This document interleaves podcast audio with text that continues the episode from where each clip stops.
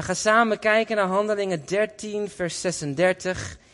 En het is een hele uh, eenvoudige uh, tekst waar ik uit wil uh, spreken. En het is eigenlijk naar aanleiding van vorige, of vorige twee weken geleden toen ik sprak over dienstbaarheid. En daar gaan we eigenlijk mee verder. Over dienstbaarheid. We hebben toen gekeken naar het leven van Jezus. Naar zijn dienstbaarheid. Um, zijn voorbeeld wat hij ons achterliet om te dienen. Um, zonder dat we nou belanden in allerlei dingen moeten. Maar begrijpen wat dienstbaar zijn inhoudt. Onze vijf broodjes, twee visjes. En vandaag wil ik het eigenlijk hebben over dienstbaar zijn. Maar hoe maken we dan samen een verschil? En ik wil lezen uit een tekst in Handelingen 13, vers 36. En in het Nederlands staat hij een beetje bijzonder. Maar als je hem in de basisbijbel zou lezen, dan staat er als volgt. David heeft in zijn tijd God en zijn volk gediend. David heeft in zijn tijd God en zijn volk gediend. En een andere vertaling zegt ook wel, David diende Gods wil voor zijn generatie. Ook zoiets heel moois. En eh, als we om ons heen kijken, dan zien we natuurlijk heel veel dingen gebeuren in de levens van mensen. Je hoeft nu.nl maar open te staan en je ziet hoeveel mensen in de afgelopen twee weken verdronken zijn. Hoeveel mensen er verongelukt zijn. Uh, mensen die uh, neerstorten met vliegtuigen. Het is verschrikkelijk. Het is, in de afgelopen weken is het bijna bizar veel wat er allemaal gebeurt. En misschien ook wel onze directe sfeer. Weet je, dat mensen door ziektes heen gaan, verdriet, onzekerheid, pijn. Dus een behoorlijke chaos in de wereld. En heel veel onzekerheid. Maar te midden van dat is God bezig om zijn koninkrijk te bouwen. En uh, Gods verlangen is dat dwars door alle ellende heen, dat mensen Hem mogen leren kennen. Als redder, als vriend, maar ook als Heer. En het interessante is dat Gods koninkrijk zichtbaar wordt door mensen die Gods handen en voeten willen zijn. En uh, God bouwt zijn koninkrijk door mensen die zijn handen en voeten willen zijn. En uh, vorige keer heb ik gehad over moeder Teresa en die, die, die, die had daar iets heel moois over geschreven over haarzelf. En die zei van, ik ben niets ik ben slechts een instrument, een dun potlood in de hand van mijn Heer, waarmee hij schrijft wat hem aanstaat. Hoe onvolmaakt wij ook mogen zijn, hij schrijft altijd mooi. Dat God ons wil gebruiken om, om, om liefde te delen aan mensen. Dat wij een, pan, een pen mogen zijn in de handen van de Heer. En een nieuw hoofdstuk mogen gaan schrijven in levens van mensen. Wat bijzonder is dat. Hè? God wil het zelf doen, maar hij wil ons voor gebruiken. En ik geloof dat wij allemaal geroepen zijn om Gods handen en voeten te zijn op deze aarde. Daar besloten we ook de vorige keer mee en daar wil ik het eigenlijk mee oppakken. Ik geloof dat elke generatie een opdracht heeft om in jouw generatie en in de generatie zonder je, om Gods wil te dienen en zijn mensen te dienen op een unieke manier. En het wil God dat we dat doen volgens zijn voorbeeld wat Jezus ons achterliet dat hij zichzelf ontledigde en de voeten waste van de mensen. Nou, we hebben vandaag het avondmaal gevierd en dat is ook het type beeld dat Jezus gaf alles uit liefde voor de Vader, um, die ons wil lief had. En zodat jij en ik in relatie met hem mogen zijn. Nou, vanochtend wil ik eigenlijk even richten op de jongere generatie in ons midden. En ik zou eigenlijk willen vragen iedereen die ongeveer 35 en jonger is, om even te gaan staan. Yes. 35 jongen. Oh, kijk, we hebben ze nog. Super. Zijn er nog andere 35ers en younger? Yes? Nee? Nee, allemaal ouder? Ah. Dank je. Ga lekker zitten. Super. Ik geloof dat...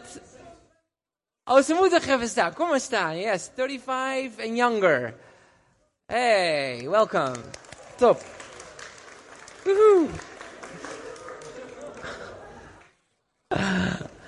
Everdien ook, 35, wauw. Kun je wel zien hoor. Oké, komt-ie. Um, ik geloof dat God iets bijzonders heeft voor deze jongere generatie. Daar ben ik echt van overtuigd.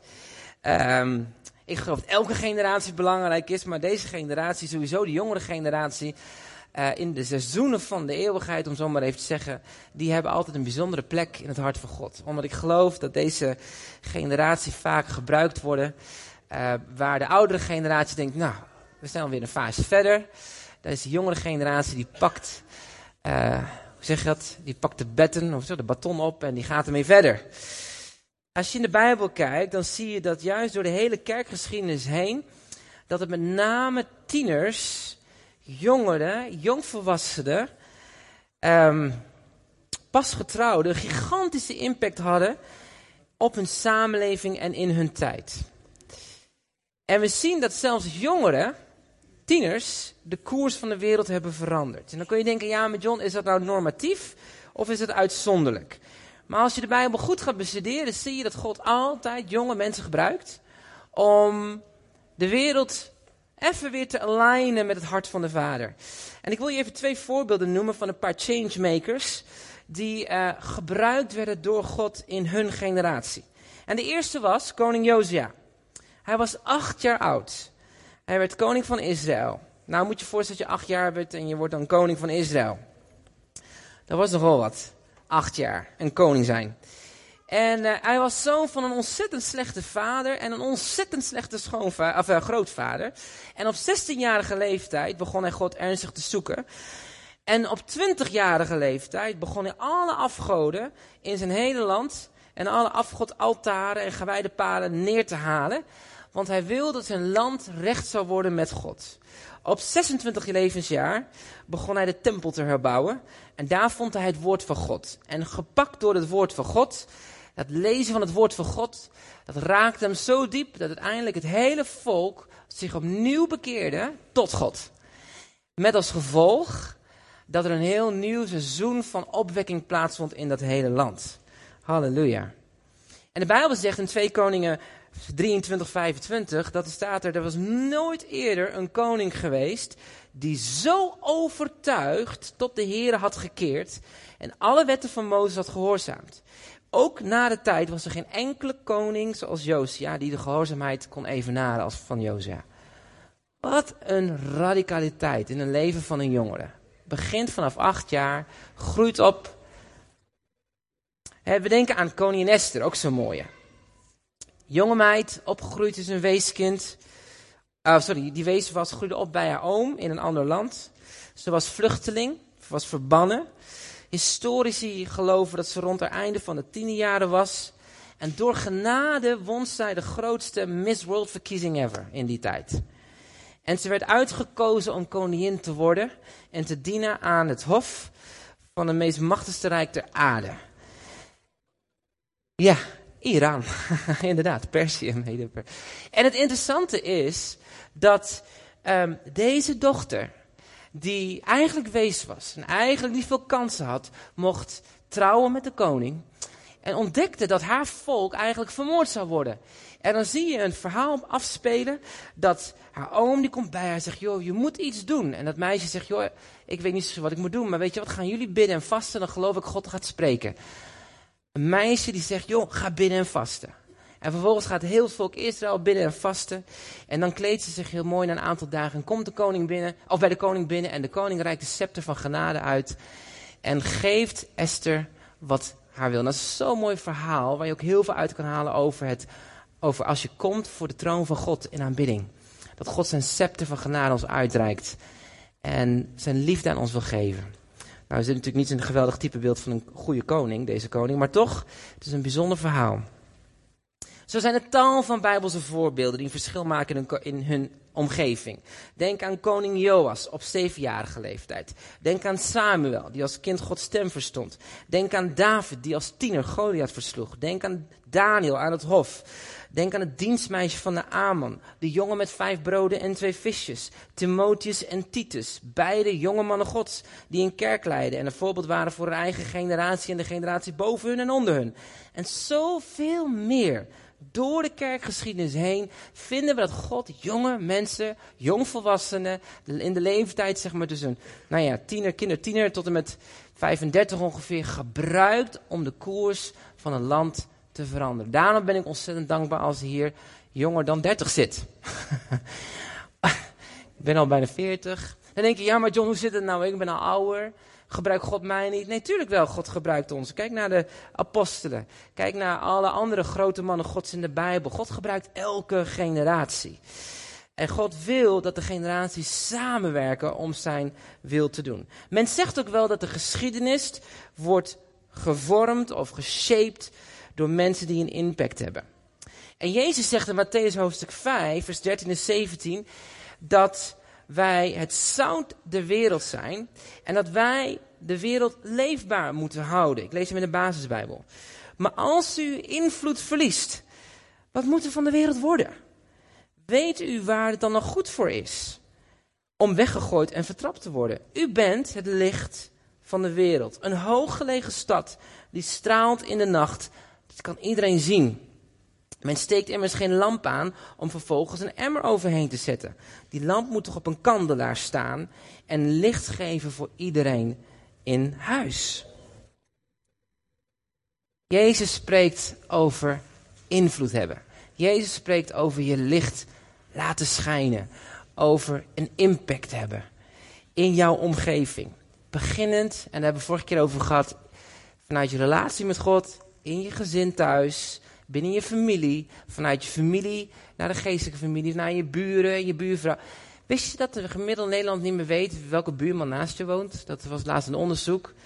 Tegenwoordig weten we niet meer wie naast ons woont. We kennen de namen niet meer. Ik hoop dat jullie je buren wel kennen. Ik ken mijn buurvrouw. Weet waar ze mee heeft gemaakt. Maar ken je mensen met wie je op de sportschool zit? Als je aan het hardlopen bent.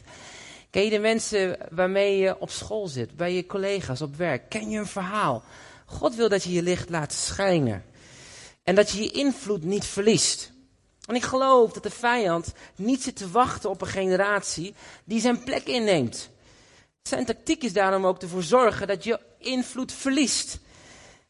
En die tactieken zijn echt niet alleen maar over zonde en, en, en, en verslavingen en dat soort dingen, maar veel subtieler. Zijn tactiek is namelijk ons te beïnvloeden met waarden die tegen in het hart van God gaan. Het gaat om waarde, want waar jij je hart vol van is, wat waar is in je hart, daar leef je werkelijk naar. En zijn tactiek is, de vijand is simpelweg ons te beïnvloeden met waarden die haaks zijn op het woord van God. En daarom zegt Paulus ook in Romein 12, word vernieuwd in je denken, zodat je Gods wil kan begrijpen. Dus die waarden die op ons afkomen, in wat we om ons heen horen, zelfs in de kerk, durven we die tegen het licht uit. Zeggen, Heer, laat mijn denken zijn zoals u denkt. Heer, help mij uw woord te pakken. Zodat ik begrijp wat uw wil is. En ik geloof dat als wij ons denken in lijn brengen met Gods hart, dan geloof ik ook dat ons handelen een impact zal hebben die invloed heeft op onze omgeving. Ons handelen heeft impact. Door simpelweg onze gedachten in lijn te brengen met de Heer.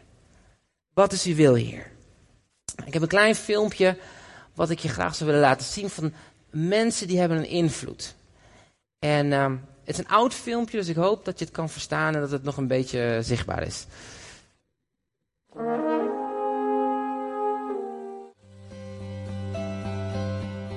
Mooi hè, en niet alleen.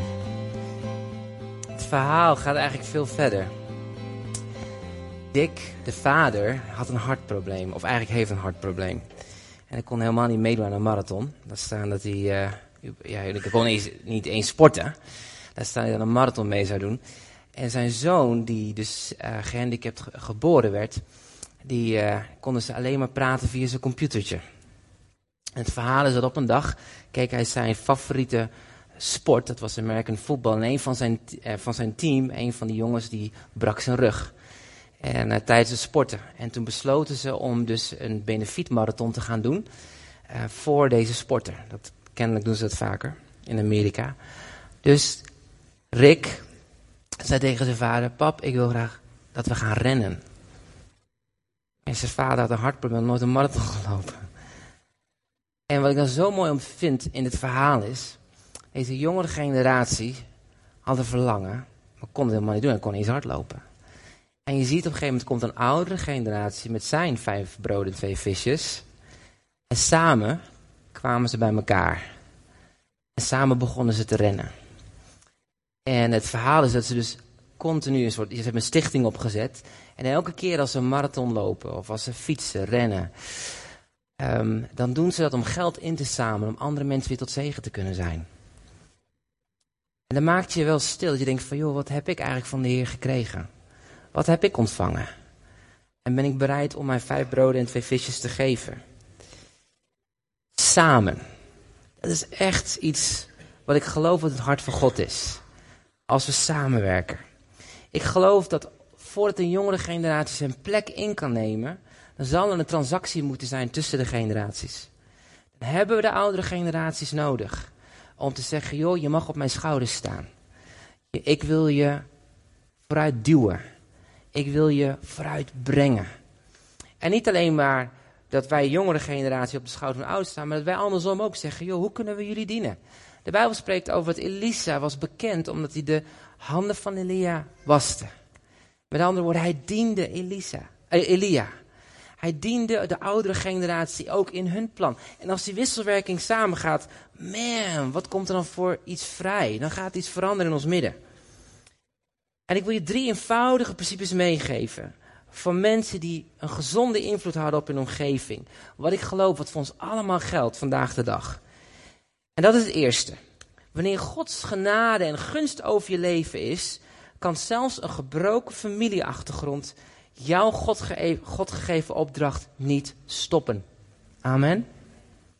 Wat er ook in je leven is gebeurd, hoe gebroken je verhaal ook is, whatever in jouw leven allemaal heeft afgespeeld, jouw God gegeven opdracht is niet te stoppen. De Bijbel zegt dat Gods genadegaven zijn onberouwelijk die haalt hij niet weg als er iets misgaat in ons leven. Als we een foute keuze gemaakt hebben. Of wanneer we door hele moeilijke dingen gaan. Nee, die gaaf heeft God gelegd vanaf de moederschoot in jou.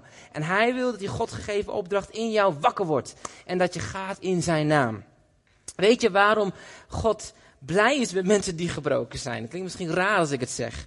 Maar ik geloof dat wanneer een mens gebrokenheid kent, dat deze persoon meer afhankelijker is van de Heer dan dat degene die geen gebrokenheid kent. Amen.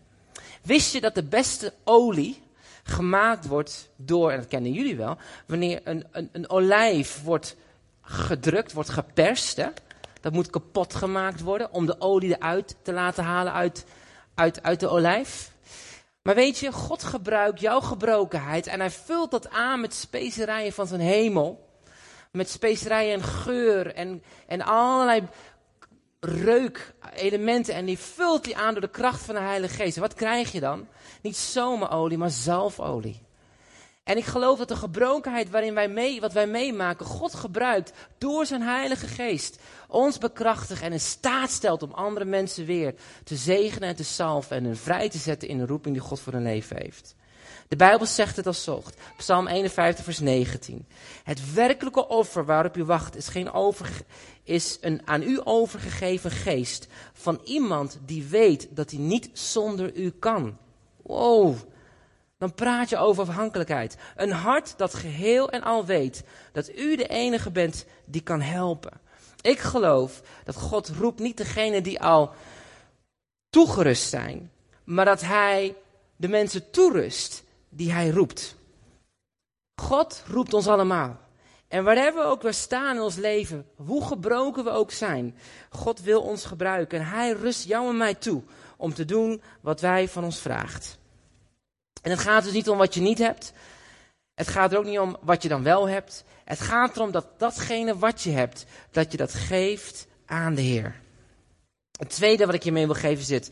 In alle verhalen van mensen die een impact hebben op een omgeving, was er altijd iemand die in hen geloofde. Iemand die het vuur wist aan te wakkeren in de ander. In Esther's verhaal was het Mordechai. In Josia was het zijn moeder. In het verhaal van Rick was het zijn vader Dick en zijn moeder Judy. David had Samuel en ook zijn vriend Jonathan. En Timotheus en Titus, die hadden Paulus. En zo waren altijd mensen in de omgeving van mensen die impact hadden, die het vuur wisten aan te steken. En Albert Schweitzer, een bekende spreker en schrijver, zei dit. En ieder van ons dooft langzaam het vuur Langzaam het innerlijke vuur. Laat de ontmoeting met een ander mens juist dat vuur weer opvlammen. Want we moeten mensen die het vuur in een ander weten aan te steken, juist zo dankbaar zijn. En mijn gebed vanochtend is dat je door de worship en door het woord en door het avondmaal, dat je vuur weer gaat branden. Dat je zegt, yes, daarom kom ik bij leef. Omdat mijn vuur weer brandend is voor de Heer. God wil niet ons vuurtje doof en smal is. Nee, God wil dat ons vuur vol wordt, krachtig wordt. En daar hebben we de Heilige Geest voor nodig. Hebben zijn woord voor nodig. Maar hebben ook de liefde en aanmoediging van elkaar nodig. Dan hebben we de bemoediging van je broer en zuster nodig. Die zeggen van, joh, ik bid even voor je. Ik geloof in je. Ik ga naast je staan. Ik ga je niet vertellen wat je allemaal moet doen. Dat is bemoeizorg. Dat doen we niet aan in de kerk. Maar wat we wel aan doen is dat we gewoon naast elkaar staan in gelovig gebed. Amen. We steken elkaars vuur aan. En de vraag is, met wie ga je om? Zijn dat personen die jouw vuur aansteken? Of blussen ze je vuur? Sommige mensen, ook in de kerk, tot mijn schaamte en mijn eigen ook, kan je soms een anders vuur dempen. Door je eigen opvatting of kritiek of whatever je houding. Maar God wil niet dat we vuur dempen. God wil niet dat we vuur blussen. God wil dat we het vuur aanwakkeren. Dat we aanwakkeren. Als we door moeilijke dingen heen gaan in ons geloofsleven. Of zelfs binnen de gemeente. Of op je werk. Dat je naast een broeder komt staan en zegt, joh, ik snap wat je voelt. Ik begrijp het. Maar weet je wat? Laten we naar de Heer toe rennen. Laten we vragen om zijn vuur. Laten we onze houding testen bij de Heer. Laten we ons hart onderzoeken bij Hem. Laten we afhankelijk zijn van Hem. En mijn vraag is, wie wandelt er met jou mee? Zijn dat mensen die jouw vuur aanwakkeren? Of zijn het mensen die jouw vuur doven? En voor de oudere generatie onder ons, wakker je het vuur aan van de jongere generatie? Durf je te dromen met een ander? Durf je droom in een ander aan te wakkeren en daarin te investeren? Is het vuur alleen maar voor jouzelf, voor je eigen gewin? Of mag je dat vuur doorgeven aan de volgende generatie? God wil dat we elkaar aanwakkeren met zijn vuur. En dat het vlammetje in je hart brandend is voor de Heer. Amen. Als je hier komt en je hebt een heftige week. Dat je hier verwarmd wordt. Weet je, heb je wel eens een lucifersje gezien? Als je die aansteekt, je hebt één zo'n klein vlammetje, toch? Dat stelt niet heel veel voor. Maar als je dan een hele berg lucifertjes bij elkaar en dan aansteekt, wat krijg je dan? Inderdaad, vuurwerk, steekvlam, een vuur. Dat is zo. En ik geloof dat de kerk ook zo'n beetje is. In mijn eentje kan ik heel ver komen. Maar als we met elkaar samenkomen in het hart van de Heer.